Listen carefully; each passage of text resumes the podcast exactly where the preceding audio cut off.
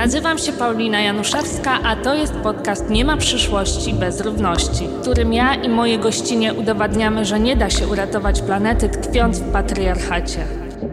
Istnieje duże prawdopodobieństwo, że słuchacie tego podcastu cierpiąc z powodu upałów. W tym wypadku gorące powitania chyba nie wchodzą w grę, Dlatego trzeci odcinek serii Nie ma przyszłości bez równości otwieram z równie serdecznymi jak do tej pory pozdrowieniami dla Was, ale zacznę od e, informacji, które trochę zmrożą Wam e, krew w żyłach, e, a będą to kwestie jak zwykle klimatyczne i dotyczące tego, co wkrótce może wydarzyć się na naszej planecie.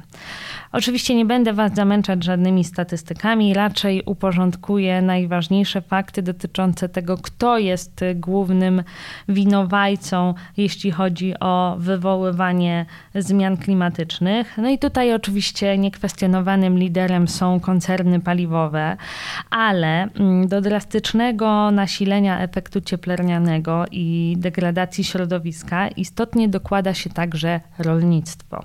I to jest ten sektor, który skutki kryzysu klimatycznego odczuje najbardziej, a my niestety, jako konsumenci, razem z nim. Pamiętam, jak w 2020 roku e, na łamach krytyki politycznej, e, trochę śmiejąc się przez łzy, pisałam o tym, że w dobie nadciągającej katastrofy będziemy musieli się pożegnać z winkiem albo smaczną kawusią. No cóż, to brzmiało e, zabawnie, ale zabawnym nie jest, dlatego że Uprawa wielu roślin stanie się niemożliwa lub znacząco utrudniona z powodu niestabilności warunków atmosferycznych i klimatycznych, a to oznacza, że będziemy musieli i musiały pożegnać się nie tylko z kawą czy winem, chociaż wino to może nawet wyjdzie nam na zdrowie. Natomiast nie wiem jak wy, ale mi jest trudno wyobrazić sobie śniadanie bez kofeiny, w związku z czym, no cóż, e, czeka nas sporo wyrzeczeń e, dotyczących zmiany w jadłospisie. E, I pisałam wtedy również, że e, na zmianach klimatycznych, które wpłyną na stan rolnictwa, ucierpią przede wszystkim rolnicy z najgęściej zaludnionych obszarów świata, ale także hodowcy zwierząt i większość producentów odpowiedzialnych zarówno za dostawy tropikalnych owoców i warzyw, jak i tych podstawowych składników naszego jadłospisu, czyli zbóż, roślin pastewnych, roślin okopowych itd. E, to oczywiście wnioski, e, które można e, sobie sformułować samodzielnie na podstawie badań naukowych, ale ja je wywiodłam dzięki znakomitemu, choć bardzo przerażającemu raportowi autorstwa profesora Zbigniewa Karaczuna i doktora habilitowanego Jerzego Kozyry. Link do tego raportu znajdziecie w przypisach do dzisiejszego odcinka. Naukowcy e, tłumaczą w tym raporcie, że wprawdzie problem z dostępnością pierwszej z wymienionych wcześniej przeze mnie grup produktów, czyli takich właśnie bardziej egzotycznych, wpłynie jedynie na jakościowy aspekt bezpieczeństwa żywnościowego. Natomiast braki pszenicy czy ziemniaków, no to już jest grubsza kwestia, bo mogą one zadecydować po prostu o ludzkim zdrowiu, życiu i przetrwaniu. E, no i także bezpieczeństwie, e, w tym sensie, że jeżeli prześledzimy na przykład to, w jaki sposób e, wybuchają konflikty, na przykład na globalnym południu czy Bliskim Wschodzie, to zobaczymy, że mm, długoletnie susze wywołane zmianami klimatycznymi pozbawiają rolników plonów, źródeł pożywienia, dochodów, e, no i uruchamiają lawinę wydarzeń, e, w tym migracji do miast i e, następnie radykalizację nastrojów politycznych. No i to wszystko prowadzi końcowo do, do tego, że ludzie się ze sobą nie dogadują, a jak się nie dogadują, to wybuchają wojny, na przykład takie jak ta w Syrii. Ale nie musimy szukać tak naprawdę daleko, bo teraz inna wojna, mająca oczywiście różne podłoża, w tym energetyczne, e, wojna za naszą wschodnią granicą, wojna e, w Ukrainie, e, to również jest wydarzenie, które dokłada się do pogłębienia kryzysu klimatycznego i żywnościowego. No i oczywiście tutaj prognozy są zatrważające z uwagi na to, że Ukraina jest jednym z dostawców, głównych dostawców pożywienia na przykład do krajów e, afrykańskich. E, bardzo ciekawie na ten temat pisze Piotr Wójcik, który twierdzi, że e, ostatecznym skutkiem agresji Rosji na Ukrainę będzie więc nie tylko tragedia milionów ludzi nad Dnieprem, ale też kolejnych milionów na tak zwanym globalnym południu. Stanie się tak dlatego, że wzrost cen towarów i e, niedobór ich e, istotnie wpłynie na liczbę, liczbę osób niedożywionych. E, Piotr, analizując e, prognozy e, specjalistów, pisze, że w, najlepszej, w najlepszym wypadku liczba osób głodujących i niedożywionych wyniesie 8 milionów, natomiast w tym najczarniejszym niestety aż 13. No i oczywiście większość tych osób to będą mieszkańcy i mieszkanki Afryki subsaharyjskiej, ale także regionu Azji i Pacyfiku. E, nie możemy więc zapominać e, o tych ofiarach, e, podliczając zbrodnie, których dopuszczają się obecni włodarze Kremla oraz wszyscy ich sojusznicy. Taka jest główna myśl tekstu Piotra Wójcika. Znajdziecie go na stronie krytyki politycznej. E, I dlaczego o tym wspominam? Dlatego, że y, konsekwencje w zasadzie zmian klimatycznych i tego, jak y, działa rolnictwo, odczuwamy e, już dzisiaj. Nie musimy czekać na te 13 y, milionów e, ofiar. Choć oczywiście dzisiaj problemem jest to, że mamy drogo, drogie czereśnie, czy parę lat temu drogą pietruszkę, a za kilka lat może być tak, że mm, zabraknie podstawowych składników naszej diety. E, I dlatego potrzebujemy kompleksowej transformacji, która mm, uwzględni w swojej agendzie nie tylko odejście od spalania paliw kopalnych, ale też będzie przewidywać bardzo poważne, głębokie reformy w rolnictwie. Przede wszystkim chodzi o to, by przenieść e, rolnictwo przemysłowe e, z tych właśnie globalistycznych i bardzo szkodliwych środowiskowo i klimatycznie torów na te bardziej zielone i e, ekologiczne. Mm, no i pytanie, czy w zasadzie przedstawiciele tego sektora są na to gotowi, czy rolnicy są na to gotowi. E, podejrzewam, że wielu i wiele z Was odpowie, że nie, bo niestety rolnicy kojarzą nam się raczej e, z taką grupą, która jest przeciwna zmianom. Czy słusznie? Moim zdaniem nie do końca, dlatego że często mylimy e, e, rolników posiadających e, nieduże gospodarstwa z tymi, którzy prowadzą rolnictwo przemysłowe i najbardziej wykańczające planetę. W związku z czym tutaj musimy czuć te różnice, mm, ale też bardzo ciekawym aspektem, jeśli chodzi o rolnictwo, jest pewien ukryty nieodkryty potencjał, e, e, czyli potencjał kobiecy, feministyczny. Niektórzy mówią, że cała nadzieja tkwi właśnie w mm, kobietach rolniczkach, które najchętniej sięgają po rozwiązania ekologiczne i proklimatyczne. No i zdają się też bardziej dostrzegać istotę e, kryzysu klimatycznego. E, oczywiście świadczą o tym e, różnego rodzaju badania i wskaźniki, ale na przykład też e, bardzo ważnym punktem jest to, że coraz więcej kobiet chce zajmować się rolnictwem. Taki trend widać między innymi we Francji. Okazuje się, że aż 30% gospodarstw zajmujących się hodowlą owiec i winorośli, czyli takimi czołowymi tutaj gałęziami rolnictwa, jest zarządzana lub współzarządzana przez kobiety. E, wysoki jest również e, odsetek kobiet, które e, pracują w administracji lokalnej, prowincjonalnej, które pracują też w zakładach przetwórstwa spożywczego.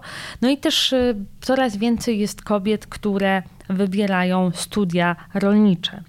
E, no i oczywiście ten trend nie jest odosobniony, nie, nie jest charakterystyczny tylko dla Francji, ale dla wielu innych krajów europejskich, choć oczywiście trzeba pamiętać również o tym, że na pozostałych kontynentach często rolnictwo jest właśnie domeną e, kobiet. E, natomiast my się tutaj dzisiaj pochylimy trochę bardziej nad kontekstem lokalnym, czyli polskim. O tym między innymi mówi zrealizowany przez Instytut Spraw Publicznych i Fundację Heinricha Bella e, raport Kobiety, Wieś, Klimat i Środowisko w mozaice postaw, poglądów i działań. E, I dlaczego mówię o tym raporcie? Bo jego autorki piszą tak. Jak pokazują międzynarodowe badania, kobiety wykazują większy stopień wrażliwości i świadomości w kwestiach ekologicznych. Autorki raportu postanowiły skupić się na tej grupie, ponieważ w ich ocenie może ona stanowić motor zmian w swoim otoczeniu. Perspektywa kobiet w kształtowaniu polityki publicznej prowadzi do stosowania bardziej zrównoważonych rozwiązań w obszarze klimatu i środowiska. No więc te wnioski zdecydowanie napawają optymizmem e, i zdecydowanie pokazują, że właśnie rolnictwo zarządzane przez kobiety może być e, tym, e, którego pożąda dobro planety i dobro ludzkości. Czy tak jest w istocie? O tym będzie traktował dzisiejszy odcinek. Zapraszam.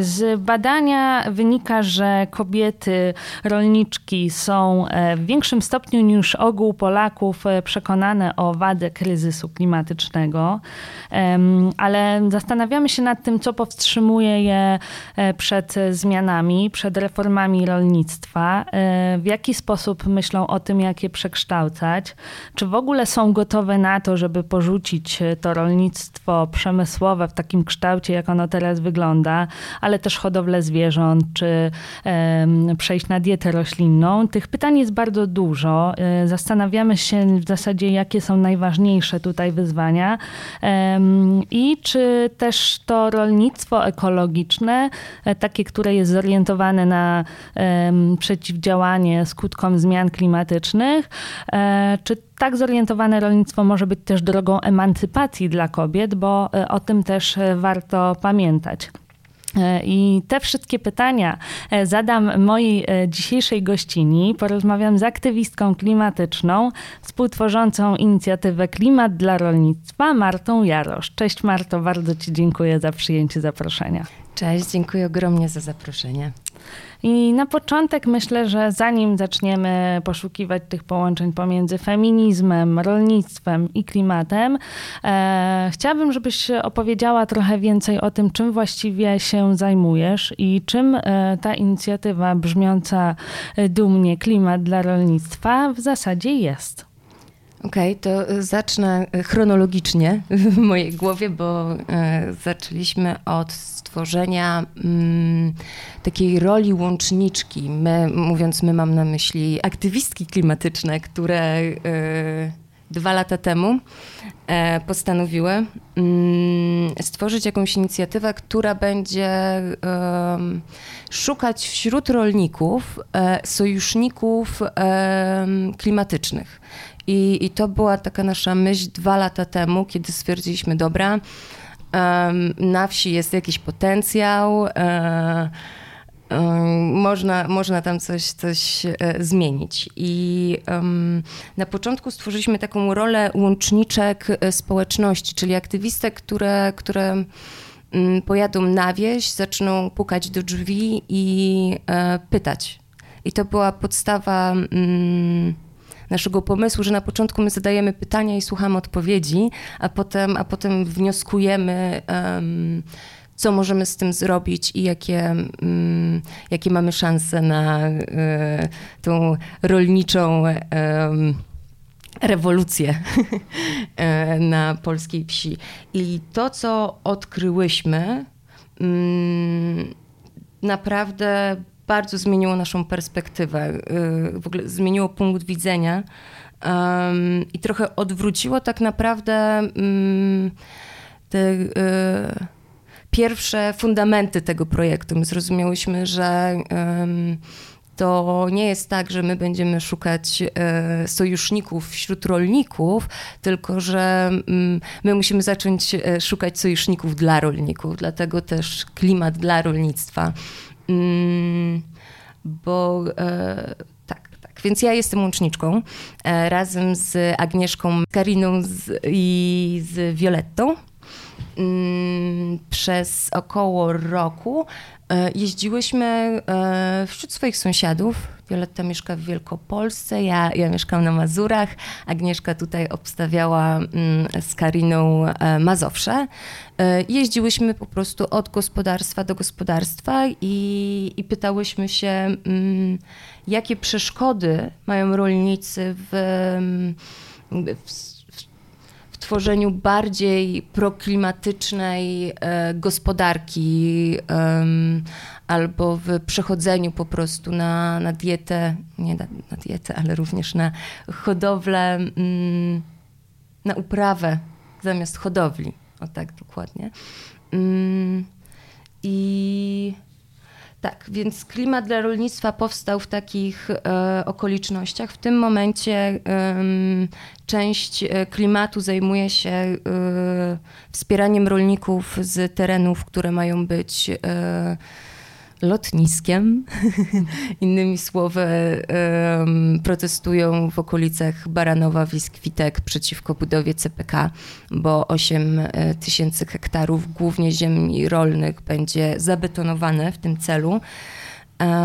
A ja i Agnieszka y, dalej łącznikujemy, więc y, jeśli, jeśli po tym podcaście stwierdzicie, że, e, że wasze serce też jest po e, stronie rolników, to zapraszamy do kontaktu ze mną i z Agnieszką poprzez Klimat dla Rolnictwa. Mamy Facebooka, stronę, Instagram, maila, wszystko co się da. Mm, bez siedziby niestety, ale to mam nadzieję przed nami. E, to świetnie, bo na pewno e, załączymy te informacje tak, żebyście mogły i mogli dołączyć e, do tej inicjatywy, ale to, co mnie bardzo tutaj zatrzymało w Twojej wypowiedzi, to fakt, że Wy z innymi oczekiwaniami jechałyście na wieś, można powiedzieć, i to trochę pokazuje, jak wygląda w ogóle narracja o wsi z perspektywy zwłaszcza dużych miast, ale w ogóle miast. I okazuje się, że niestety E, mamy trochę inne e, tutaj e, zadania na nas czekają niż nam się wydaje. Co Was szczególnie tutaj zaskoczyło i co po, pokazuje te błędy, które my w tworzeniu narracji takiej ogólnopolskiej, właśnie tej wielkomiejskiej, jakie tutaj błędy popełniamy? Co, co Was najbardziej zaskoczyło? To jest świetne pytanie, bardzo się cieszę, że je zadajesz. Um, Wiesz co, mnie zaskoczyło jako społeczniczkę trochę, bardziej niż, niż aktywistkę klimatyczną, e, to, że istnieje w Polsce tak potężna, tak liczna grupa, e, która nie ma żadnego przedstawicielstwa, nie ma mm, żadnego um, sposobu wpływu de facto na, na rząd, a jest traktowana w sposób, który skandaliczne. W sensie y, moje społecznikowe serce, widząc z czym y, się stykają rolnicy, no pękło. Nie ma, nie ma co mówić. W sensie trochę pękło i, i wsiąkło w wiejską ziemię, dlatego, dlatego w ogóle zmieniłam trochę swoje życie, żeby, mm, żeby kontynuować ten projekt. Rolnicy, e, rolniczki, gospodarstwa ekologiczne w Polsce ja bez, bez popadania w patetyzm nazywam tych ludzi bohaterami, bohaterkami. Jakby tego, że, że oni mają siłę i, i chęć dalej, dalej to rozwijać w Polsce, dlatego że mm, produkcja jedzenia e, w Polsce przypomina e, handel narkotykami w Kolumbii. Innymi słowy, e, rolnik jest tym Kolumbijczykiem, który hoduje te krzaki kokainy i sprzedaje potem worek liści za dolara. W końcu ten worek liści ostatecznie e, chodzi po 10 tysięcy dolarów, e, tylko w innym miejscu. I, i podobnie wygląda, mm, wygląda sytuacja z jedzeniem w Polsce poprzez. Um, 20 lat no prawie 30 dzikiego kapitalizmu w Polsce. Niestety jedzenie było traktowane tak jak wszystkie inne produkty, czyli źródło zarobku. E, I przyczyniło się do tego również polskie prawodawstwo od 20 lat w tym, e, w tym temacie niezmieniane, raczej coraz bardziej komplikowane, więc absurdy, z którymi muszą się. Um, z którymi stykają się na co dzień rolniczki, są, um, są potężne, ale jest to, no jest to ogromnie smutne. Jakby to, jak oni są samotni w tym miejscu, um, i, i pozbawieni de facto głosu, ba, zupełnie y, porzuceni przez społeczeństwo, które y, nie ma zielonego pojęcia. Czym, czym jest rolnictwo, jak ono wygląda. Tak jak nie miało przez bardzo wiele wieków y, feudalizmu w Polsce, tak nie ma do tej pory. I, I, mówię to z punktu, w którym ja dalej nie do końca potrafię posadzić ziemniaki chociaż jakby rozkręcam się, ale też nie wiedziałam nic dwa lata temu i, i to była chyba jedna z większych lekcji pokory w moim życiu. E, zrozumienie, że, e, że jest bardzo wiele do zmiany i de facto nie, nie możemy, nie, wieś to nie jest miejsce, w którym, w którym ta zmiana y, musi się zacząć tak naprawdę, to, to my musimy się trochę zmienić. Tak jak powoli zaczynamy widzieć Mm, e, konieczność na przykład inwestowania w służbę zdrowia.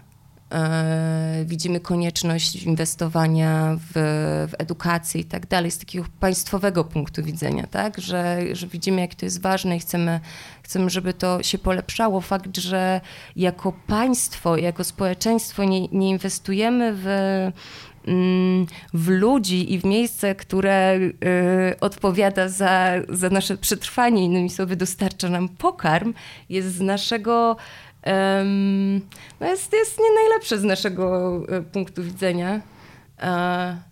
No, mm, trochę głupie, bym powiedziała. To jest gryzienie ręki, która nas karmi i, i trochę to robimy. Mm, co jeszcze chciałabym podkreślić, kiedy mówię rolnictwo, w tym momencie mam na myśli rolnictwo ekologiczne. W sensie yy, nie opowiadam wam teraz o tym, jakie koszmary przeżywają e, futerkarze albo właściciele wielkich farm yy, z kurczaków, które, kurczaków, które zatruwają okolice w promieniu dziesiątek kilometrów. Mówię o Mm, o rolnikach, o gospodarstwach rodzinnych, o indywidualnych rolniczkach, o małych, nawet nie do końca firmach, e, małych e, przedsiębiorstwach, które, które po prostu produkują żywność. Kolejną rzeczą, która którą spotkałyśmy, to jest e, zrozumienie, jak zróżnicowane jest rolnictwo. Właśnie złapałam się na tym, że, e, że do, że do każdego zdania, które powiedziałam, można zrobić pewną e, erratę i wziąć 20 wyjątków pod uwagę. Mm, rolnictwo jest dostosowane do ziemi. E, I zależnie od tego, jaka jest ziemia, rolnictwo wygląda w sposób bardzo różny. Czyli mazurskie rolnictwo, lubelskie rolnictwo, podkarpackie rolnictwo. To są trochę inne, inne przestrzenie, inne wyzwania i inne problemy i nie ma zupełnie świadomości tego ani w społeczeństwie, ani w, w rządzie niestety. To ja ci wejdę w słowo Dobra. i y, powiem y, trochę y, o czym innym, to znaczy, że ten lokalny koloryt i lokalne uwarunkowania są bardzo istotne i to jest też debata, której w Polsce nie ma, a to a propos chociażby książki, którą ostatnio wydaliśmy, Lokalsi Andrzeja Andrysiaka, która z kolei pokazuje, jak bardzo samorząd polski nie działa. I e, tutaj e, wydaje mi się, że to połączenie jest szczególnie widoczne i że rzeczywiście w, w ogólnopolscy, zajmujący się polityką ogólnopolską dziennikarze myślą, e, że coś wiedzą, a jednak nie wiedzą zbyt wiele. I to jest też lekcja dla nas. No właśnie, ale mamy jednak problem globalny, czyli mm, zmiany klimatyczne. No i właśnie, czy jesteś zwolenniczką takiego myślenia, w którym jednak e, musimy zaczynać właśnie oddolnie działaniami lokalnymi, żeby mieć szansę na zmianę e, czy rozwiązanie problemu globalnego? Czy tutaj rzeczywiście jakby odpowiedzią są lokalne działania na globalne problemy? Bo, bo często takie hasła padają, choć nie zawsze one są realizowane, ale czy tutaj tak, pod takim apelem byś się podpisała?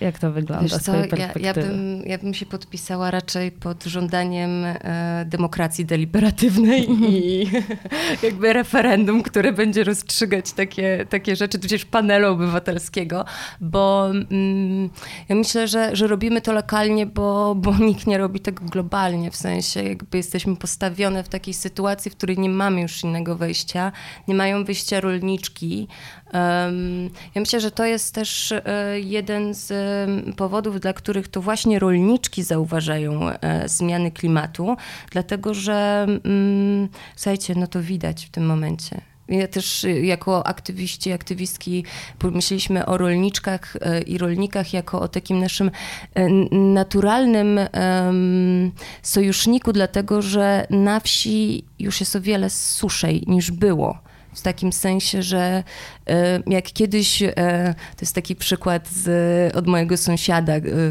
bo kiedy się rozmawia na wsi kryzys klimatyczny, to oni tak trochę reagują wiecie, jakby nie najlepiej, nie najlepiej, ale to jest też zrozumiałe, dlatego że to prawica jest tą mm, polityczną siłą, która się w ogóle rolnikami interesuje, jakkolwiek, oprócz, no tak.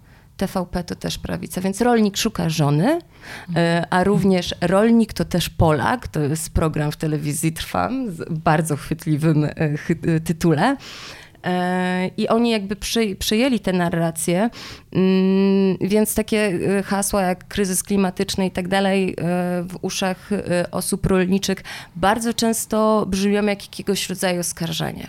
Więc mhm. oni nie, nie lubią tego tak nazywać, ale kiedy się zapytamy, no proszę pana, a jak z tym polem? Kiedyś było bardziej mokro na nim niż teraz i wtedy się zaczyna historia o tym, że 20 lat temu to musieli kupić ciągnik, żeby zbudować tamę, bo to pole było ciągle zalewane i było ciągle na nim woda, a teraz to faktycznie jakby e, trzymają kciuki, żeby, żeby nie było na nim suszy, więc to jest tego kalibru e, zmiana. E, więc rolnicy, jako tacy rolniczki, jako naturalne sojuszniczki, dlatego że oni jakkolwiek by tego nie nazywali, to oni są na pierwszym froncie odczuwania zmian klimatycznych. I, i od, od pewnego czasu też już w Polsce zaczynają je, je odczuwać. I lokalnie można zmienić bardzo wiele. W sensie lokalnie, jeśli, jeśli patrzymy z takiej perspektywy globalnej, a e, mówiąc lokalnie mamy na myśli Europę, e, to mm, sam e, Europę i Stany może. Mhm. To sam um, moment, w którym Europa przestanie marnować jedzenie, już jest wielkim krokiem w, w stronę um, jakby łagodzenia skutków, bo to, to już jest coś nie do odwołania. My możemy co, jakby ratować to, co zostaje. Um, I I na przykład jednym, jednym z rozwiązań na takie mm, jakby minimalizowanie marnowania są krótkie łańcuchy dostaw. Innymi słowy, mm, nawiązanie jakiejś relacji, ludzkiej relacji E, nie takiej relacji, jaką mamy w sklepie z kartonem mleka, e, tylko ludzkiej relacji z, z ludźmi po prostu, którzy mieszkają pod, pod miastami, którzy mieszkają w, gdzieś w okolicach e, naszego miejsca zamieszkania. Wystarczy wsiąść w najlepiej komunikację miejską, ale reality check, komunikacja miejska nie jeździ na wieś. Mhm. Wieś jest wykluczona e, komunikacyjnie, to jest getto, bez samochodu to się nie wydarzy, więc niestety wejść na rower albo samochód, wyjechać za swoje, ze swojego miejsca zamieszkania i poszukać jakiegoś, e, jakiegoś rolnika. No, e, widać pole za jego domem, więc to będzie taka wskazówka i zapytać się, czy czy na przykład nie chciałby sprzedać trochę ziemniaków mhm. albo jajek i tak dalej. Jakby zapytać się, co u niego słychać i, i jak się ma. I mm, to jest właśnie coś, co, co chcemy realizować w tym, w tym momencie. Y, mimo tego, że, że odpowiadając na Twoje pytanie, jest pewne wsparcie rządowo-odgórne, e, powiedziałabym raczej narzucone Euro przez Unię Europejską e, polskiemu rządowi, czyli wspieranie takich rozwiązań jak krótkie łańcuchy dostaw, etc., etc., e, to istnieje tylko na papierze. Mhm. Więc w pewnym momencie zaczęliśmy po prostu brać sprawy w swoje ręce, bo jest o wiele za późno na to, żeby czekać, aż, aż zmiana przyjdzie z góry. E, więc e, zmiana już jest i ona faktycznie jest, jest u korzeni, e, dlatego że zaczynamy wszyscy naprawdę dosyć szybko dochodzić do wniosku, że nie mamy innego wyboru. To nie jest taka zmiana Way, hej, zróbmy coś fajnego. Raczej mhm. taka, słuchajcie, yy, no pali nam się podłoga, yy, musimy się ratować. No. To myślę, że trochę przypomina sytuację z yy, uchodźcami i uchodźczyniami z Ukrainy, kiedy faktycznie ta oddolna pomoc y, była konieczna, bo po prostu rząd nie odpowiada y, na to, co się dzieje i rzeczywiście musimy też domagać się tych zmian systemowych jak najbardziej. E, cieszę się, że to powiedziałaś, bo często właśnie jest tak, że musimy łatać sami e, i same dziury, e, które tak naprawdę powinien łatać rząd i władza centralna, ale nie tylko, też te międzynarodowe organizacje, sojusze i tak dalej. Ale coś, co też mnie zainteresowało w Twojej wypowiedzi, to na pewno fakt, że rolniczki i rolnicy dostrzegają po prostu na żywo, codziennie, jak wygląda ziemia, jak e, rozwijają się rośliny, jakie są warunki po prostu do tego, żeby dalej e, uprawiać e, rolnictwo. I zdaje się, że też raport, na który wcześniej się powołałam, a o którym ty też rozmawiałeś w towarzyszącym jego premierze debacie, to towarzysząca temu debata właśnie opowiadała między innymi o tym, że, że właśnie kobiety, które były badane, e, zdają sobie sprawę z wagi zmian klimatycznych w dużo większym stopniu niż ogół e, społeczeństwa. E, to jest bardzo ciekawa informacja. Przypomnę, że chodzi o raport przygotowany przez Instytut Spraw Publicznych i Fundację Heinricha Bella. I właśnie e, chciałabym Cię zapytać przede wszystkim o to, czy w tym raporcie coś Cię zaskoczyło i czy ta wiedza faktycznie przekłada się na jakieś działania e, oraz czy mm, też e, odnosząc się do, do zdań, które tam padły, e, zauważyłam, że e, jednym z e, takich przekonań wśród badanych osób jest to, że wieś zmieniła się do takiego stopnia, że bywa mniej zielona niż miasta, albo przynajmniej ma mniej zielone aspiracje niż miasta. I czy ty też taką tezą się zgadzasz? Tak, być, mo być może jest, ale mm, powody takiej transformacji są zupełnie od wsi niezależne. Słuchajcie, życie na wsi, oprócz tego, że e, na wsi nie mieszkają rolnicy, głównie. Na wsi mieszkają ludzie mieszkający na wsi, z czego rolnicy są 10-15%, a i to się zmieniło. E, ja mieszkam we wsi Perły pod wsią Suczki. E, I, I 30 lat, nie, nie, dobra, przesadzam. 20 lat temu e, sołtys poinformował mnie, że było w, we wsi 30 rolników, teraz jest dwóch. I to jest jakby sytuacja w większości polskich wsi. Um, A co się z nimi dzieje? E, co się stało z tymi 28 tak. osobami rolniczymi. Rozumiem, że e, nastąpiła wymiana pokoleniowa, czy może jakieś e, jednak wyjazdy? Co tutaj zdecydowało mm. o tym, że ich jest mm -hmm. tak mało? Bieda. Mm -hmm. Innymi słowy, mm, to jak w tym momencie właśnie przez ten opowiadam o tym rolnictwie, które wygląda jak handel narkotykami mm-hmm. i Um, no słuchajcie, ci producenci e, liści e, koki e, są, no, żyją na granicy nędzy tak naprawdę.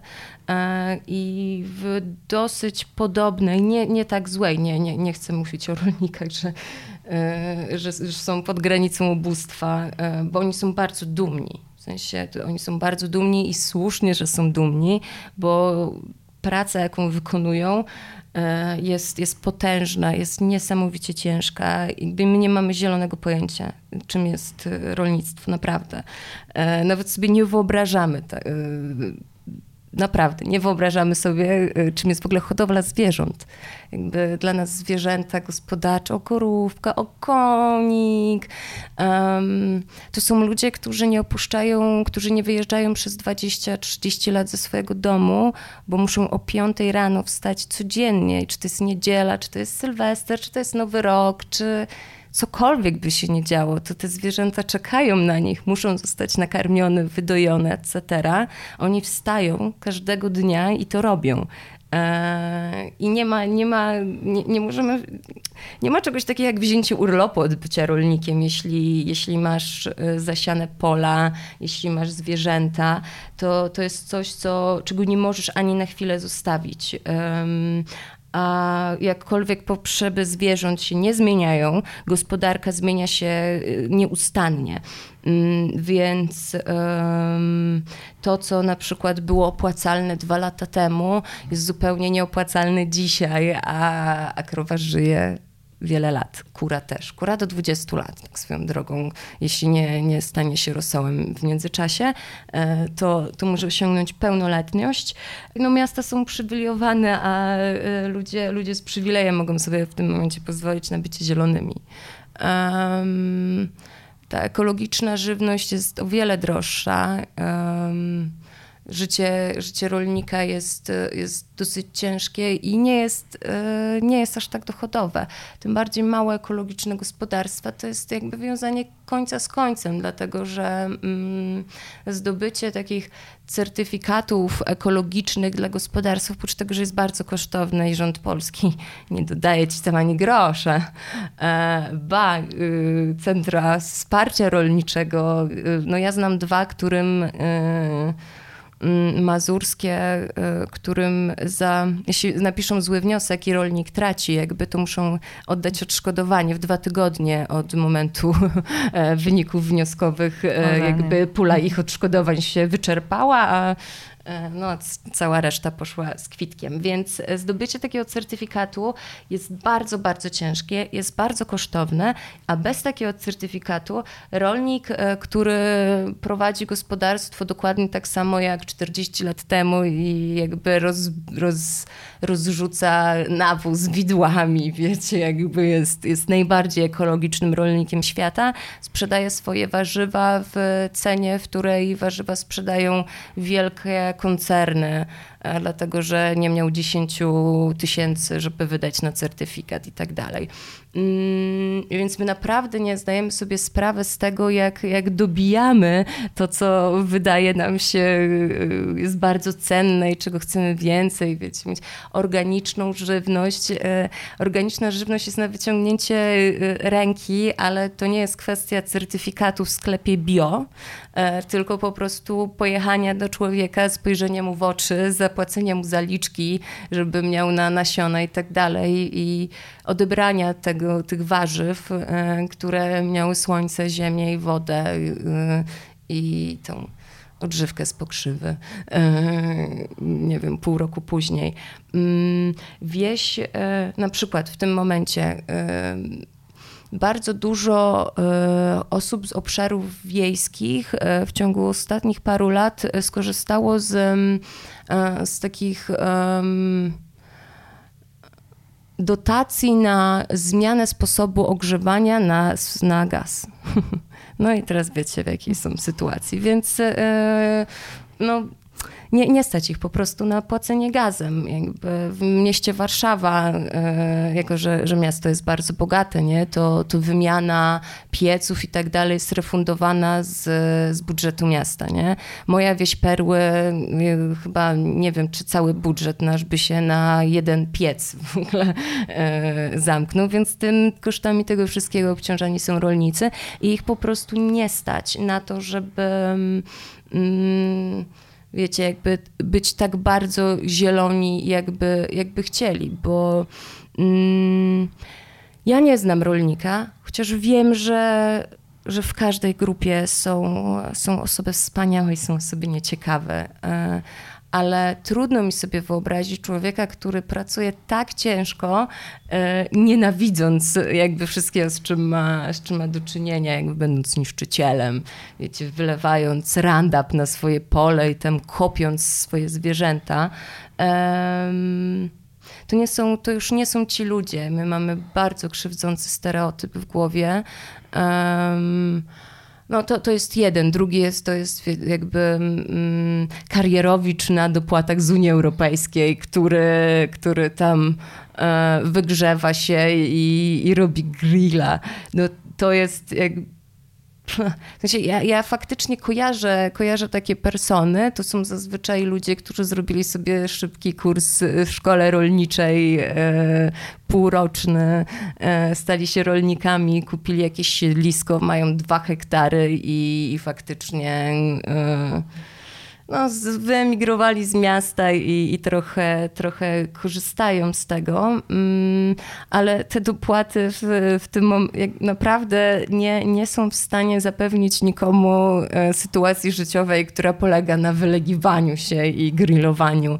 To, e, to jest coś, co mm, bardzo proszę każdego e, powielającego ten stereotyp, żeby, żeby sam sobie sprawdził, po prostu pojechał na wieś i się rozejrzał. Ostatnio e, tłumaczyłam e, politykom Partii Zielonych, ile kosztuje traktor. Traktor mhm. kosztuje milion złotych. E, no tak, to są wielkie wydatki. Dokładnie. I też wydaje mi się, bardzo się cieszę, że te mity bardzo krzywdzące, o których mówisz, e, padają w tej e, rozmowie i że możemy je trochę rozbroić. E, I, i mam nadzieję, że też dadzą jakąś refleksję naszym słuchaczkom i słuchaczom, ale przede wszystkim pokażą, że no, nasza wiedza jest tutaj bardzo znikoma na ten temat. No i też to trochę pokazuje, jak bardzo politycznie jest wykorzystywana tego typu nie niewiedza i e, narracje towarzyszące rolnictwu, bo rzeczywiście możemy mieć takie przekonanie, że e, prawica jest po stronie właśnie tradycji e, i tak dalej. Okazuje się, że, że jednak wręcz przeciwnie, nie wspiera tych rolników, którzy faktycznie biorą udział w jakimś takim wspieraniu przyrody i kochaniu jej de facto, bo tak to trzeba nazwać i tak to wybrzmiewa z Twojej wypowiedzi, e, a raczej, e, raczej skłaniają się ku temu, żeby wspierać wielkie koncerny i przemysłowe rolnictwo i też to, które e, gdzieś tam odpowiada takim globalistycznym cechom przemysłu spożywczego i tego, jak on dzisiaj działa.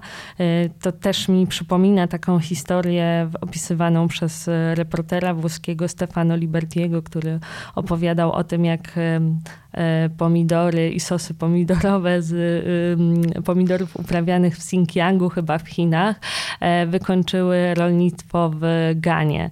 E, no i bo okazało się, że potem sprzedaż sosów pomidorowych sprowadzanych nie wiadomo skąd i chyba sprzedawanych przez Włochów za dolara, no cóż, dla mieszkańców jest lepszym wyjściem niż kupowanie pomidorów od lokalnych rolników. Więc myślę, że te, te historie na pewno pewno, na pewno też podobne y, słyszałaś i, i, na pewno mamy z nimi do czynienia w Polsce czy w Europie.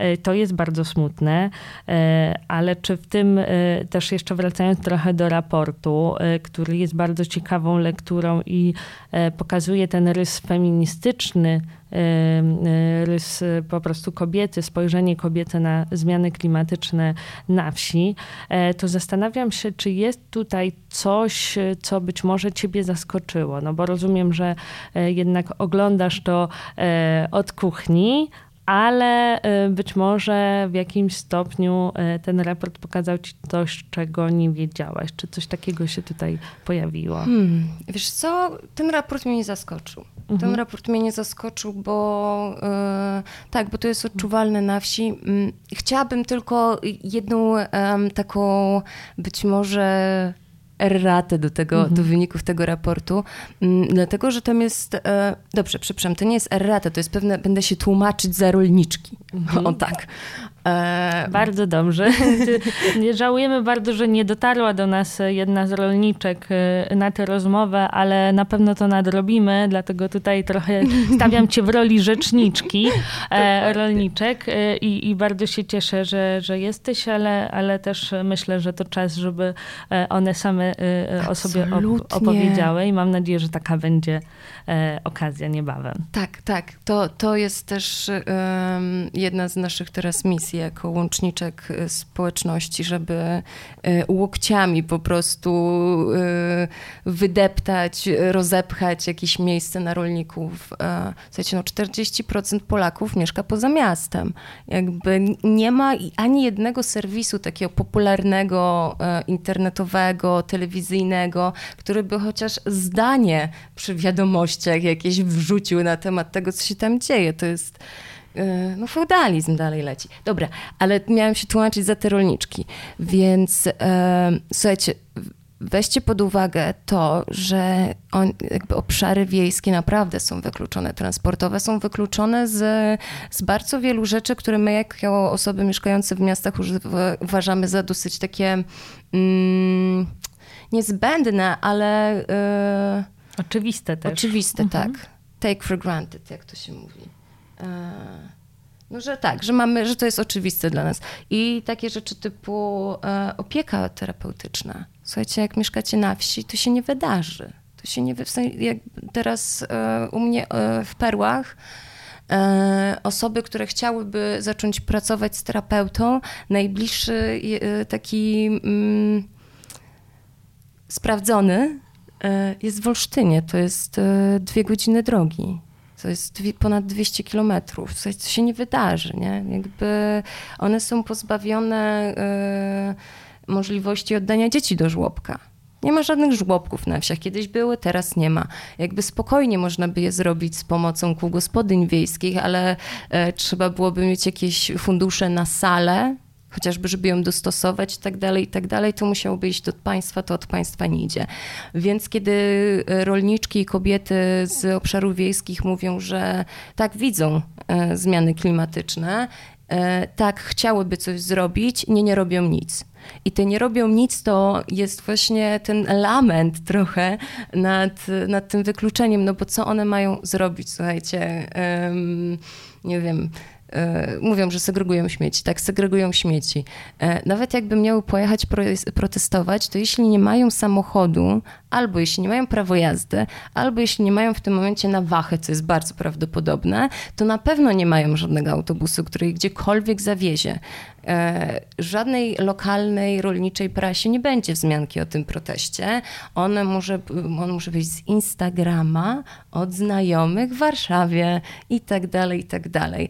Spotkałam się z wynikami badania Kantaru, w którym zadano e, wielkomiejskim aktywistom, takiej grupie, pytanie, jakie rolnictwo jest bardziej ekologiczne, przemysłowe czy małe gospodarstwa? I 70% powiedziało, że przemysłowe. Ta-da. Naprawdę? Naprawdę. Naprawdę sobie pomyślało, że może to jak zmywarka, że jak ma to mnie. Ja nie wiem, co oni sobie pomyśleli. Tak czy inaczej. Um, I ja mam, ja mam kochanych, bliskich znajomych, którzy mają bardzo, bardzo lewe serce e, i, i oni nie rozumieją do końca, czym ja się zajmuję. A kiedy zaczynam im opowiadać, że będąc na weganie, być może będę pomagać otwierać rzeźnie, to, to mina, którą dostaję, jest naprawdę E, zszokowana. Słuchajcie, jak, jak nie zaczniemy wspierać małych e, producentów e, mięsa, no bo nie, nie wszyscy się zgodzą na to, żeby, żeby zejść z mięsa. Są ludzie, którzy potrzebują go z racji e, zdrowia, a również nie możemy zapomnieć, to jest bardzo ważny, bardzo ważny szczegół, bez nawozu od zwierząt nie wyrosną roślinki. No nie jest tak, że zaczniemy super e, agrorewolucję, która będzie polegała na tym teraz wszyscy przerzucamy się na groszek. Mhm. E, i na soję, no niestety potrzebujemy też, e, też zwierząt do chociażby, że oprócz tego, żeby je kochać, e, do tego, żeby, żeby dawały nawóz. E, więc tak, jakby producenci mięsa, ja, ja mam, jak znam rolników, którzy jakby naprawdę dbają o zwierzęta w taki sposób, um, który, który jest nie, niesamowicie dla mnie też wzruszający i, i obserwowanie takich postaw powoduje, że, y, że ta złość jakby na to, jak, jak są traktowani ci ludzie we mnie jest ogromna. Ona, ona powoduje, że, że chce mi się to robić, bo mm, tak, bo to jak to jest niesprawiedliwe, w sensie te stereotypy, jak... Um, i one wpływają na wszystkich, na wszystko, w sensie też, też te osoby wiejskie, mieszkanki wsi, um, one um, oni mają kompleks. Oni mają kompleks wsi, oni wiedzą, jak są traktowani. Jakby um, to, jakiej muzyki słuchają, jakby w ogóle samo to, co powiedziałam w tym momencie z wielką generalizacją i chociażby mhm. tego rodzaju generalizacje i tak dalej. Um, ale to też pokazuje chyba, że my y, nie wietrzymy właśnie tych swoich lewicowych głów i serc i że dużo tych stereotypów tak naprawdę jest również tutaj, choć bardzo lubimy o sobie mówić, że e, jak najbardziej jesteśmy otwarci i otwarte. E, no i tutaj też wydaje mi się, że to jest taka, taki potencjał, y, którego też nie wykorzystuje lewica polityczna. W ogóle się nie zajmuje wsią. I, I, zawsze jest taki argument, e, który nie wiem, może byłabyś w stanie rozbroić, to znaczy, e, że e, no trudno jest powiedzieć komuś ze wsi o jakichś tam naszych podstawowych ideach, że oni tego nie zrozumieją i tak dalej. Powiedzmy sobie wprost, czy tak jest? Nie widzicie mojej miny, ale ja naprawdę jestem w szoku, że to słyszę. Mój sąsiad, pan, pan Sołtys, ostatnio Iku, słuchajcie, no ja znam na wsi więcej osób, które chcą głosować na lewicę, niż jakby w, wśród moich znajomych z, z innych, z małych miasteczek, takich... E, ostatnio, ostatnio taki pan, pan Andrzej, kochany pan Andrzej, który pomaga mi na wsi e, w domu, mm, traktorzysta z zawodu, Powiedział, że y, głosuje na Biedronia, bo to pedał, ale jest jedynym uczciwym człowiekiem. E, więc no, nawet ostatnie przecież e, pamiętam, kiedy to tydzień temu e, został opublikowany raport na temat e, Polaków, e, wsparcia Polaków dla związków małżeńskich dla wszystkich obywateli. I no poparcie, poparcie wsi i ludzi po pięćdziesiątce było takim jakby, o Boże, coś się zmienia, nie? No słuchajcie, no e, po prostu ta, ta, zmiana tam była. E, opieka rodzinna e, Rykarskiego, e, program, w ramach którego zaprosił na Podlasie do, do rodzin wiejskich osoby nieheteronormatywne e, i jakby podzbierał e, te te feedbacki od osób wiejskich i e, po, po, po, tym, po tych dwóch tygodniach. Proszę sprawdźcie to, bo to jakby to jest miód na serce trochę, to, to też jest taki zastrzyk nadziei, więc e, lewica e, w Polsce jest totalnie odrealniona, jeśli chodzi o sprawy wiejskie.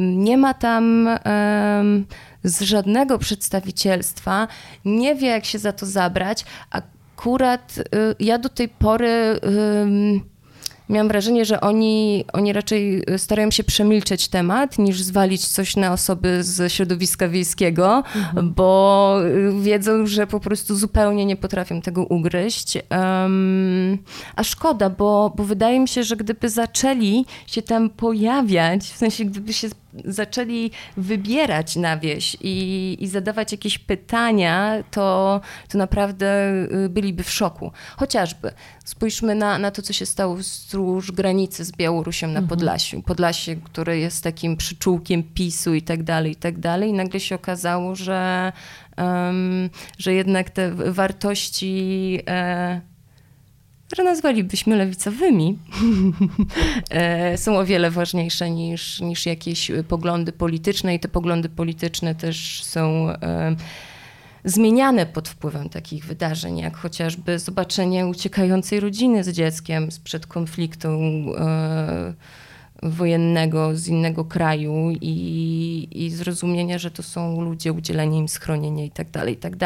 Mm, podobne rzeczy dzieją się na wsi. Na wieś nie jest tak, słuchajcie, no oni mają iPhony i też mają telewizory i mają również internet e, i kumają, co się dzieje. W ogóle na TikToku, ja, ja się jeszcze boję TikToka, ale, ale na TikToku są dziewczyny na traktorach, które mają ćwierć miliona obserwujących, dzień dobry, z Polski wiesz, jakby jeżdżą u swoich rodziców. Ja, ja, myślę, ja myślę, że to pokolenie, które, które teraz siedzi na TikToku, mm, jest wielką szansą na zmianę tego, jak, jak rolnictwo będzie wyglądać w Polsce. Bo mm, oni są i świadomi kryzysu klimatycznego, i świadomi wpływu rolnictwa na ten kryzys. I tutaj kolejna rata wpływu rolnictwa przemysłowego to nie jest tak, że hodowla marchewki powoduje kryzys klimatyczny. Raczej fakt, że y, postanowiliśmy jeść wołowinę w ilości, w której jemy ziemniaki y, i y, krowy puszczają bąki. I to jest metan, który trafia, no to jest to. Jest to. E, wiecie, te, te potworne z zakłady przetwórstwa. Zresztą jest, jest niesamowita książka mm, reporterska, która się nazywa W kieracie ubojni. I jest o, o tym, jak wygląda praca w, w ubojniach i w tych, w tych wielkich halach, e, w których są hodowane kurczaki. E, Boże, w sensie to, to, to jest... to jest niezdrowe dla ludzi, to jest niezdrowe dla klimatu, to jest niezdrowe dla, mm, dla miejsc. Zresztą też y, ludzie mieszkający na wsiach e, bardzo protestują przed takimi e, budynkami, e, próbują, próbują z nimi walczyć. Tak jak wspomniałaś, samorządy są niestety bezradne albo często skorumpowane, albo kładące kostkę Bauma wszędzie, gdzie się da. To jest moje niestety. No tak, to też e, cieszę się, że o tym mówisz, bo e, jak sobie tak prześledzimy e, to w zasadzie jakie jemy mięso, czy właśnie inne produkty, to okazuje się, że często to, to wcale nie są zwierzęta w ogóle pochodzące z Polski i tutaj nie pochodzące z hodowli na miejscu, tylko często ściągane chociażby, jeśli chodzi o wieprzowinę, to tutaj jest jest bardzo duży udział Chin.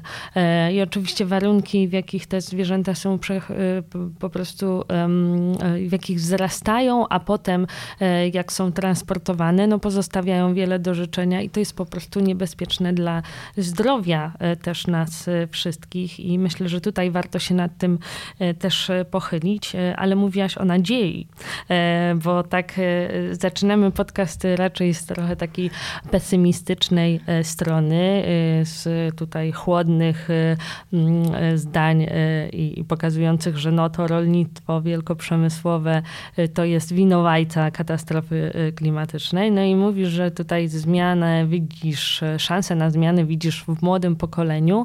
Czy w tym młodym pokoleniu jednak bardziej młode rolniczki, czy właśnie kobiety są tutaj taką bardzo ważną grupą, która ma szansę to zmienić, trochę odpowiedzieć odpowiedzieć na te 30 lat dzikiego kapitalizmu, w którym jednak bardzo hołubiło się takiej przedsiębiorczości indywidualnej, działaniu tylko na siebie, graniu na zasadach konkurencyjnych, czy przez to, że no, jesteśmy socjalizowane jednak do tego, żeby zajmować się innymi, opiekować i budować połączenia międzyludzkie, czy, czy właśnie te cechy mogą sprawić, że odbudowa tych społeczności, budowanie prawdziwych relacji, e, no i też tworzenie takiej e, prawdziwej demokracji, w której nie chodzi o hierarchię, tylko właśnie o wspólnotowość, e, to czy one są odpowiedzią właśnie na, na ten kryzys? Czy, czy dostrzegasz tutaj ten potencjał? Bo rzeczywiście też takie, takie głosy się pojawiają. Myślę, że akurat tutaj potężny wpływ mają, mają kobiety z każdym PESEL-em.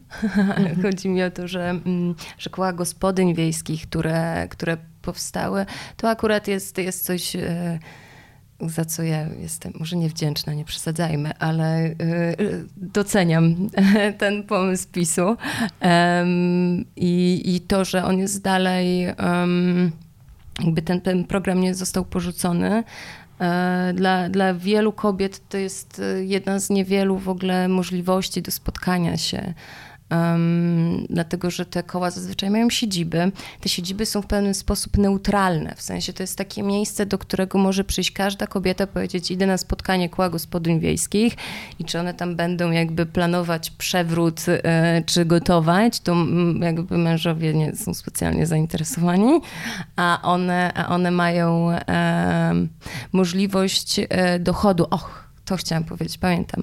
Dlaczego e, rolnictwo może być emancypujące dla kobiet? Bo w tym momencie kobiety na wsi, które, no spójrzmy sobie prawdzie w oczy, mają bardzo małą możliwość e, pracy zarobkowej. E, mogą pracować w sklepie GS, zazwyczaj jest jeden na wieś, albo w rolnictwie, nie? albo pracować zdalnie, e, albo dojeżdżać, ale, ale tak naprawdę to jest, to jest rolnictwo. I um, oczywiście jakby to zależy od nas. W sensie od nas mam na myśli od, od reszty społeczeństwa, czy my, czy my jakby um, pomożemy im w, tym, w tej emancypacji, bo, e, bo to zależy od tego, czy po prostu zaczniemy się wybierać na wieś i kupować warzywo od rolniczek. W tym momencie um, rolniczki mogą, e, każde gospodarstwo zresztą wiejskie może bez, um, bez potrącania podatku, w sensie ma e, dochód wolny od podatku to jest 90 tysięcy. I mogą jakby w, w ciągu roku sprzedawać płody rolne, warzywa, jajka, mleko, um, owoce, miód i tak dalej um, w swoich domach um, po prostu bez, bez, nie muszą zakładać firmy, nie muszą mieć kasy fiskalnej, nie? E, I to jest sposób, w którym my możemy zmienić absolutnie e, to, w jaki sposób ta wieś wygląda, jeśli zaczniemy czerpać z, z owoców, które rodzi tak naprawdę i e, tylko to, musi, to jest ruch od nas, w sensie one nie mają ani mm, ani zaplecza medialnego, ani sieć, jakby wystarczającego sieciowania, e, ani bardzo często czasu, bo mają naprawdę cholernie dużo roboty na wsi, jeśli są rolniczkami. E, jeśli nie są rolniczkami, też nie sądzę, żeby się nudziły. Mm, a jak się nudzą, no to, to, to właśnie jest okazja, żeby się przestały nudzić i zaczęły zarabiać własne pieniądze, które być może pozwolą im kupić samochód i przestać być wykluczonymi finansowo, albo lepiej jakby kupić autobus jako społeczność i, i zacząć, zacząć używać mm, go dla wszystkich. Tak, tak. Wspólnota, która nadchodzi, jest taka piękna książka, która zupełnie nie jest na temat rolnictwa, ale ja bym chciała, żeby była, e, bo, bo tytuł jest naprawdę cudowny. E, I słuchajcie, no to jest, to jest praca, która jest do wykonania na wsiach. E, I, i sądzę, że mm, owoce tej pracy są nie są potężne. Ja, ja też e, dlatego mm, mieszkam na wsi od pewnego czasu, bo, bo ta wspólnota, którą tam poczułam, jest zupełnie inna od, od tego, co miałam przez dekadę mieszkania w Warszawie. I jakkolwiek nie uwielbiałam tego i tego, co Warszawa ma mi do zaoferowania, to, to fakt, że mogę zapukać do każdych drzwi i, mogę nie znać ludzi, którzy mi otworzą, ale kiedy powiem, że mieszkam tam na wzgórzu i potrzebuję czegoś, to jestem święcie przekonana, że, to, że, że dostanę pomoc i że, i że ktoś mnie zaprosi na kawę i tak dalej. To jest coś, co, co odkryłam mając 30 lat, że można żyć w miejscu, które, które staje się wspólnotowe z racji po prostu dzielenia jednego, jednej doli trochę yy, i jednego terenu razem i... Yy, Rolnicy, mieszkańcy, rolniczki, mieszkańcy i mieszkanki wsi jeszcze. Mm, hmm, słuchajcie, no oni mają bardzo złe wspomnienia po, po wspólnocie, innymi słowy, po PGR-ach. Może nie, nie takie złe w sensie, to, to nie jest trauma. Traumą jest rozpad. Traumą był rozpad PGR-ów. W sensie traumą było nagle mm, odebranie im kin, świetlic, jakby no, pauperyzacja wsi, którą, którą nam ten um, upadek niestety um, na tej przestrzeni PRL-u zafundował. E, I to się odbiło traumą. Oni wspom- no ja, mam, ja znam rolników, na przykład e, mieszkańców wsi.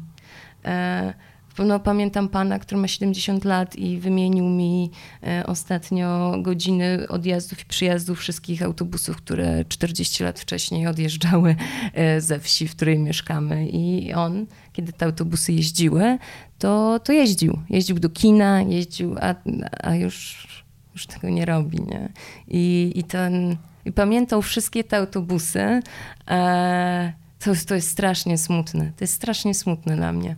Mm, bo yy, no, w sensie to, to naprawdę jest dosyć wstrząsające i, e, i kiedy zaczynamy sobie uświadamiać realia życia na wsi, to naprawdę te wszystkie stereotypy zaczynają nas po prostu zawstydzać, że kiedykolwiek mieliśmy, mimo tego, że nie mam zamiaru romantyzować wsi. Jakby tam, tam jest tak samo źle, jak potrafi być w mieście, wiecie. E. Jasne, ale to też jest ważny aspekt i myślę, że tutaj zbiorką to jest coś, co cały czas musimy podnosić i, i to jest temat y, zdecydowanie zaniedbany y, i zniszczony w tych ostatnich 30 latach y, dokumentnie. I wydaje mi się też, że z tego, co, co mówisz, wyłoniły mi się jakieś takie rzeczy, które należy zrobić. To znaczy, chodzi mi trochę o to, żeby nas też jakoś tutaj zachęcić do, do działania, ale nie z takiej pozycji kogoś, kto przyjeżdża i tutaj powie jak mają żyć, e, bo e, tego absolutnie musimy unikać. I, i to w zasadzie też robimy, wydając te osądy i e, kreując fałszywe stereotypy, ale też bardzo ciekawe jest to, że właśnie wspieranie też rolnictwa jest taką częścią agendy w zasadzie globalnej, bo też nawet ONZ, no, można o niej mówić różne rzeczy, o skuteczności jej również, ale jednak idee mają dobre i tutaj rzeczywiście jest, jest bardzo duża część takiego nowego feministycznego planu na to, żeby wspierać rolnictwo, zrównoważony rozwój, sprawiedliwość społeczną właśnie e, pod kątem e, agroekologii. E, no i tak mi się wydaje, że mm, myślę, że właśnie ten moment, w którym my możemy pomóc w emancypacji kobiet na wsiach, e, to jest ten, w którym e, musimy iść do tego działania i który też trochę pokazuje, że feminizm e, obecny w tym kształcie, no gdzieś koncentrujący się być może w tych debatach akademickich i wielkich miastach, trochę nie zauważa tego, w zasadzie w ogóle nie zauważa tego problemu. No i czy ty masz jakiś taki apel właśnie do feministek z dużych miast dotyczący tego, żeby zauważyły rolniczki i włączyły je do swoich struktur? A może jest tak, że rolniczki wcale ich nie potrzebują? Jak to jest? Czy właśnie jakie są potrzeby też kobiet hmm. na wsiach? Czy one y, na przykład potrzebują spotkań z kobietami z miast? Czy tutaj potrzebują tych połączeń? Bo może radzą sobie w, w tym względzie hmm. akurat emancypacyjnym same dobrze i tak naprawdę gdyby nie kwestia ekonomiczna, to, to mm, spokojnie, spokojnie by sobie poradziły. Jak to, jak to mm. widzisz? Wiecie co, no one sobie radzą, bo, bo mają cholernie trudne warunki. Jakby sobie nie radziły, to um, by nie było kobiet na wsiach, nie? E, wszystkie by uciekły. Ale y, absolutnie potrzebują i to takiego wsparcia, które jest bardziej o obecności, a nie o kadzeniu, nie? Takiego wsparcia, które jest solidarnością. Wydzieleniu się y, pewnym punktem widzenia. W sensie, y, no ja sobie, nie było żadnej osoby feministycznej, żadnej feministki chyba w Polsce, która postanowiła zrobić turnę po kołach gospodyń wiejskich. I mm, to, jak wspierają się nawzajem kobiety na wsi, jest absolutnym siostrzeństwem. Bo gdyby nie miały siebie, to naprawdę byłyby w, w bardzo ciemnym miejscu. E, to jak nie wspierają kobiet na wsi, e, kobiety spoza wsi, jest, jest potworne.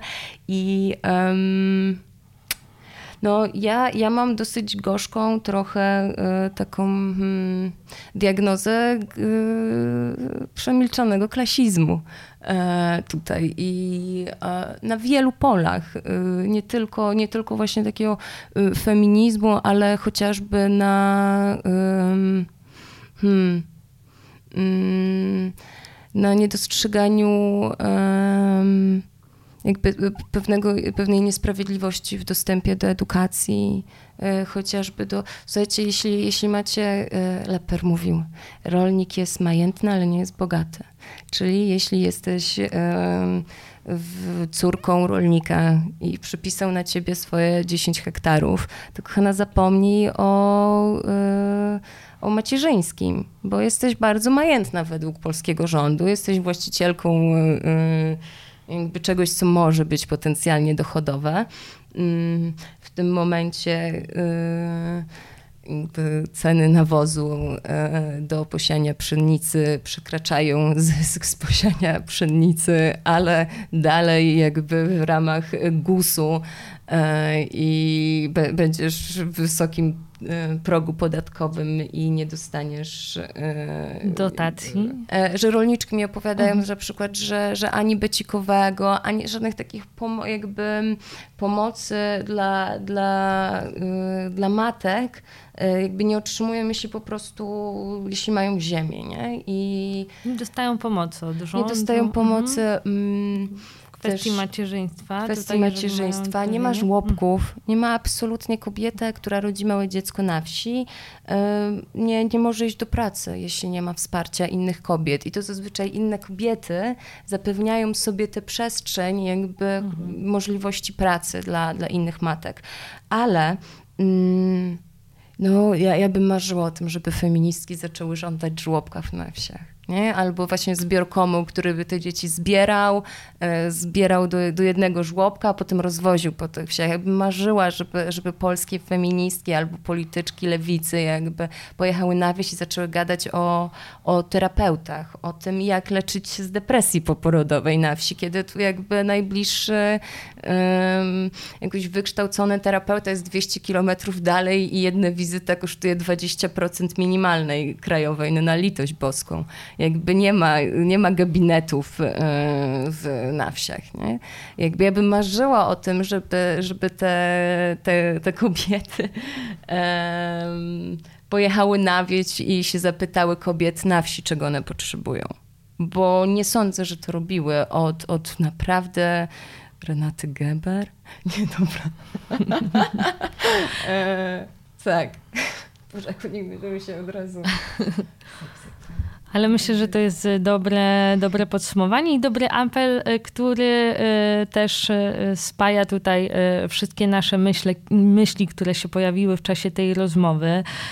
I myślę, że to ja bym tutaj proponowała być może naszym słuchaczkom na jakieś zrewitalizowanie hasła kobiety na traktory, a bardziej może właśnie kobiety z wielkich miast na wieś.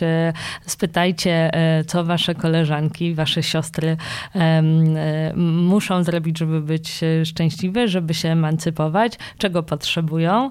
E, no i myślę, że ta wizja taka malowana właśnie jako wieś zielona i ekologiczna, w której właśnie kobiety prowadzą spółdzielnie energetyczne, farmy wiatrowe i super ekologiczne właśnie uprawy, to jest coś, do czego warto dążyć i o czym możemy sobie marzyć. I może właśnie też taka narracja bardzo optymistyczna e, jest tutaj dobrym krokiem do tego, żeby zacząć e, działać e, na przekór wszystkiemu.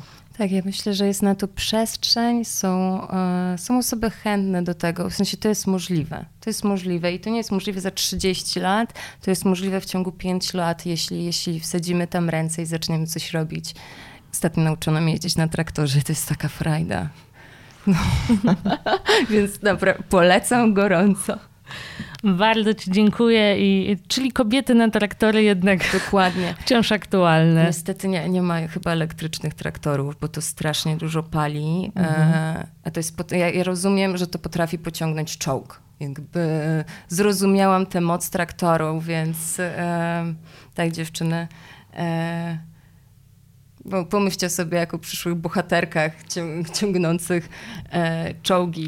E, ale tak, e, więc podsumowując, e, są, są nadzieje, ale też są możliwości e, i to wielkie są możliwości na wsi, więc tak, proszę spełnijmy, spełnijmy te piękne zielone sny razem, bo, e, bo bez wsparcia sobie nie poradzimy, musimy, tak, to, to jest trochę mój apel, e, też się dołączę do ciebie, e, że e, tam jest, są ludzie chętni do zmian na wsiach, ale ta zmiana, to wsparcie do tej zmiany musi pochodzić od nas. Jakby nie możemy zrzucić na nich odpowiedzialności, żeby oprócz tego wszystkiego, co robią, czyli de facto karmienia nas wszystkich, zaczęli jeszcze e, modyfikować e, cały, cały sektor przemysłu, który to nie oni stworzyli, to nie oni to zrobili, e, tylko, no, tylko kapitalistyczna gospodarka. E, my musimy wesprzeć ich w tym i musimy żądać też od, od rządu i od, e, od globalnych liderów i liderek i tak dalej zwrócenia uwagi poza miasto. Hmm? Miasta się wyludniają też swoją drogą ostatnio. Ludzie na wieś uciekają. No, bo miejsca. w mieście jednak nie da się żyć na dłuższą metę i trochę, y, trochę ci zazdroszczę jednak tego wyjazdu, nie ukrywam. Wiesz co, pierwszą jakby w pewnym momencie wynajmowałam za 400 zł miesięcznie pruski pałac. Jakby jest wiele pruskich pałaców na Mazurach, które czekają na podnajęcie, bo stoją puste. E, I również, tak, tak. Ja za, za, słuchajcie, pomyślcie o tym, żeby, żeby może sobie coś wynająć na wakacje na, na wsi i rozejrzeć się, bo tak, tak, tylko trzeba, trzeba pójść do Stysa i się zapytać o pustostany. Kto tak wie, może działa. po tym podcaście nastąpią wielkie migracje z powrotem na wieś. E, bardzo chyba bym sobie tego życzyła i nam wszystkim. E, I może właśnie to, to życie bliżej natury jest właśnie e, tam, więc, więc nie tylko z perspektywy dużego miasta można ratować planetę, a przede wszystkim właśnie poza nim. Bardzo Ci dziękuję za tę rozmowę i, i z, taką, z takimi refleksjami bardzo ciekawymi nie sądziłam, że pójdzie pójdzie to w tę stronę. E, was wszystkich e, i wszystkie zostawiam. E, bardzo Ci dziękuję jeszcze raz za tę rozmowę, bardzo inspirującą. No i do zobaczenia w następnym odcinku. Pa, pa.